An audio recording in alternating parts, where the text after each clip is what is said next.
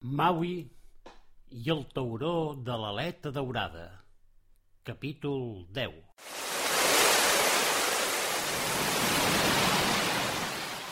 Maui navegava amb vent favorable i es sentia content. Per això cantava aquesta vella cançó del seu poble.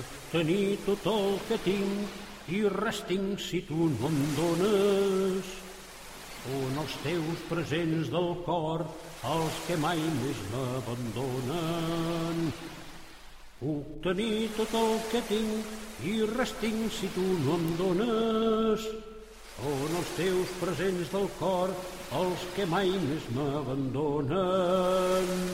On sou, taurons de l'aleta daurada? Magui us busca, veniu-me a trobar.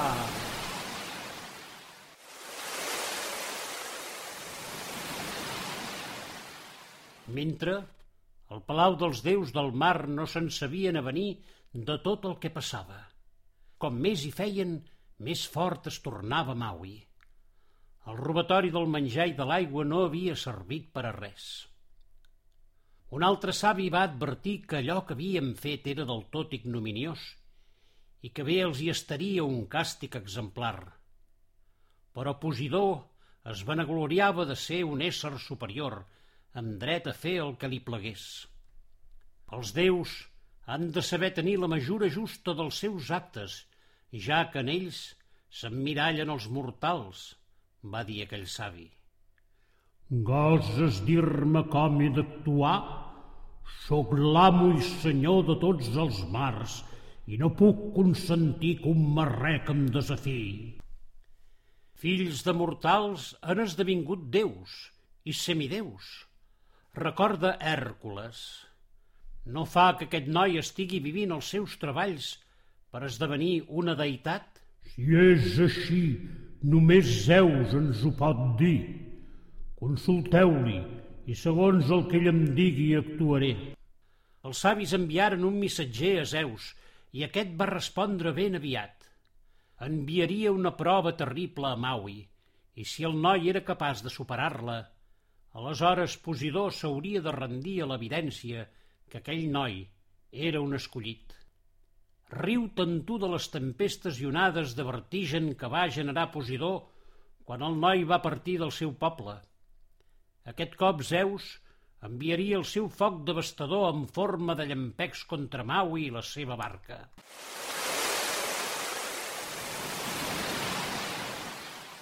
Mentre tot això passava, Maui seguia navegant i s'entretenia fent coses que el divertien d'allò més. Per exemple, els pèls de la barba de la balena els esfilagarçava per les puntes i els anava unint els uns amb els altres, trenant-los com un corder, de manera que em va fer una llarga, llarguíssima corda. També va voler comprovar fins a quin punt era certa la sensació que tenia de ser més fort cada dia. I ho va fer d'una manera prou curiosa. De primer va fer tot un seguit de nusos aquella corda de pèl de balena, de manera que entre un i l'altre hi havia la mateixa distància. Després es lligava la corda a la cintura i es llançava a mar i nadava i nadava fins que el cos li deia prou. Aleshores tornava a la barca i comptava els nusos que havia fet. Vet aquí que d'alguna manera Maui s'havia inventat el que més tard es va anomenar nusos marins i que no és altra cosa que mesurar la velocitat d'una nau. D'aquesta manera es va donar que certament a mida que passaven els dies es feia més i més fort. També s'entretenia amb els sentits, sobretot amb el del tacte, ja que amb el frec del vent a la pell podia distingir quina mena de vent bufava i fins i tot els hi va posar noms. D'un vent impetuós de curta durada i que podia aixecar remolins, en va dir bufarut. Si el vent venia del sud-oest, l'anomenà garbí i quan ho feia del nord-oest, gregal. Si el vent que venia del sud-oest era més càlid del normal, li posà el nom de llebreig. Però el vent que més li agradava era el ventijol, perquè era suau com una carícia. Finalment, i ja és ben curiós, es va fer un barret amb aquella pallaringa de pop que es va trobar penjada al collaret de petxines. Un barret ben estrafolari, val a dir-ho, amb els tentacles que li penjaven a banda i banda de la cara. I així va passar el dia, entretenint-se amb qualsevol cosa, i la nit, que era quan la barca seguia els camins dels estels impresos damunt la mar, tot cercant el lloc on es trobava el palau dels déus del mar. Maui era feliç, tot i estar ben sol enmig del no-res. Poc s'imaginava, però, que Zeus li estava preparant una prova que havia de ser devastadora. Des que havia partit de Falepa, ja havien passat cinc dies i cada un d'ells amb una vicisitud diferent. El primer va ser descobrir el misteri del mapa. El segon va alliberar Tatioe, la petita balena. El tercer va ser anar al refugi de les balenes blaves. El quart, i sense que ell se n'adonés, li van robar els queviures i l'aigua, però va descobrir els secrets que guardava la bosseta de pell de foca que li havia regalat Caupo, o Àpia, que ben mirat era un garbuix això de que les dues fossin la mateixa persona. I el cinquè dia, potser el més tranquil, va trenar la corda amb els pèls de la barba de la balena blava, va posar nom als vents i es va fer un barret.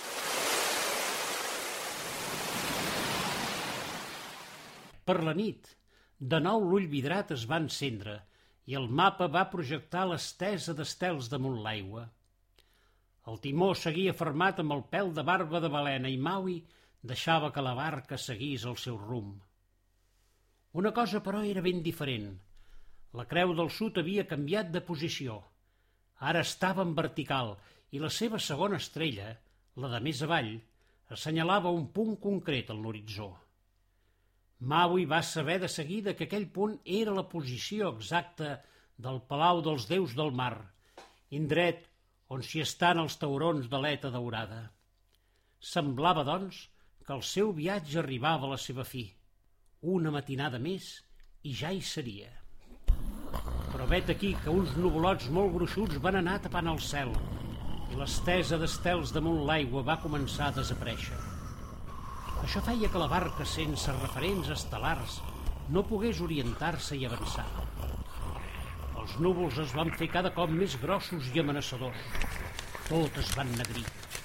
Ni un raig de llum de les estrelles podia penetrar aquella massa valutada de gotes d'aigua i cristalls de gel, ni tan sols la claror de la incipient lluna plena, ni la fulgent lluïssor de la segona estrella de la creu del sud. Maui va tornar a intuir que alguna cosa estava a punt de passar i tal com ho havia fet quan fou atacat per les fúries del mar, es va lligar ben fort. Tenia la certesa que el collar de petxines el protegiria i que la força que li havia donat el fruit de l'arbre del pa el faria superar qualsevol prova. Zeus, però, sabia tot això, que per això és un déu. També sabia que l'única manera de vèncer era destruir la seva barca. Sense ella, Maui no podria arribar al seu destí. Però mentre el noi estigués dins seu, res hi podia fer. Calia fer-lo saltar l'aigua. Així és que primer va fer que els núvols negrencs descarreguessin a bots i barrals. Després, una forta pedregada i, finalment, neu glaçada. Neu? Enmig del mar del sud, direu? Com ho sentiu? Una nevada d'aquelles que ni es veuen a les més altes muntanyes. Per donar més relleu al seu atac celestial, Zeus, fatxent de com és, va deixar per uns moments que s'obrís un escletx entre els núvols per deixar passar la llum de la lluna. Podeu imaginar quin espectacle, la neu blanca caient damunt del mar i cobrint Maui i tota la barca. Sens dubte va ser un moment romàntic que va tenir el gran déu, ben curt però, perquè de seguida va descarregar un llampec sobre la nau. La fogarada va fer que Maui es protegís instintivament amb l'únic que tenia a mà, que era la corda de barbes de balena, que la va fer servir com a escut. La corda es va encendre i Maui la va haver de llançar al mar perquè s'apagués. Però era un present de les balenes i no el podia abandonar. Així és que es llançà de cap a mar per recuperar-la.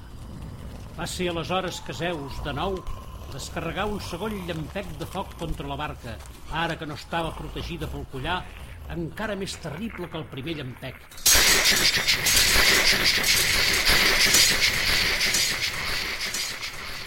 La barca va saltar amb mil bocins. Tota ella es va desintegrar, consumida pel foc d'aquell poderós llampec. Després, tot va tornar a la calma.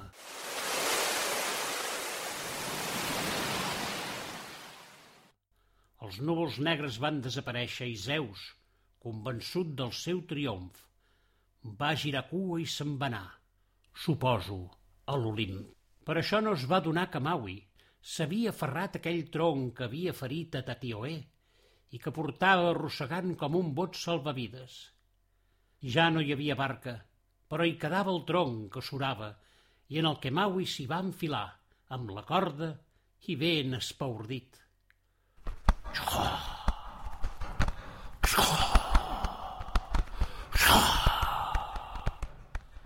El tronc colpejava una roca que sobresortia de l'aigua enmig del no-res.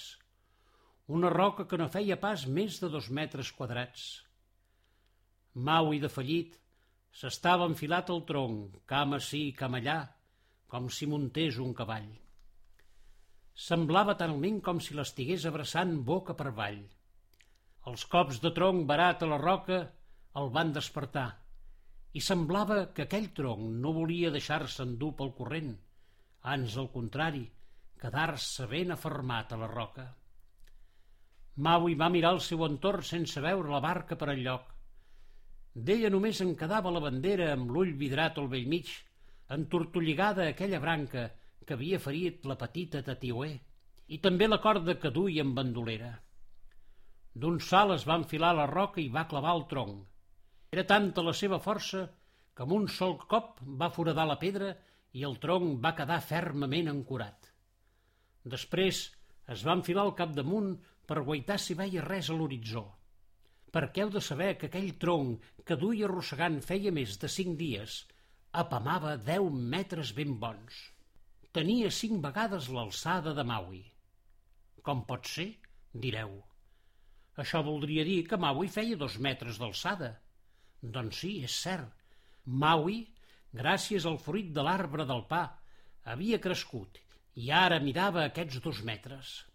Començava a semblar-se un gegant, amb la seva fornida musculatura, els seus llargs cabells i una barba revoltada. Després de molt mirar, i cregueu que ho va fer a consciència, car la seva vista s'havia aguditzat molt gràcies a l'aigua de la font mare, i de no clissar res de res, va decidir penjar la bandera al punt més alt i jeure al peu del tronc, amb l'esperança que algun pescador el trobés i el rescatés. Les hores passaven lentes, però Mau i tant li feia. Va començar a repassar tot el que li havia passat i les coses meravelloses que havia viscut. De cop i volta li va venir al cap aquella melodia que el pare de Tatioé li havia cantat mentre s'acomiadava – i va mirar de posar-li lletra. Serem companys i amics, amics de l'ànima. Certament, havia fet un munt d'amics. A Cala i Manua van ser els primers, després Àpia. D'ella li arribava el seu riure contagiós mentre es banyava el gorg de Baea. També Caupo, que més d'amiga la considerava com una mare, tot i que, quan pensava que també era àpia, se li feia difícil imaginar que una nena de 10 anys li fos mare. Els amics de Falepa, i com no, l'entranyable amistat que va fer amb Tatioe. A ells sempre aniré, bon punt em cridin. Per ells, pels amics, fora capaç de qualsevol cosa – L'amistat és un lligam que va més enllà de tota cosa pensada. Per ells defalliré,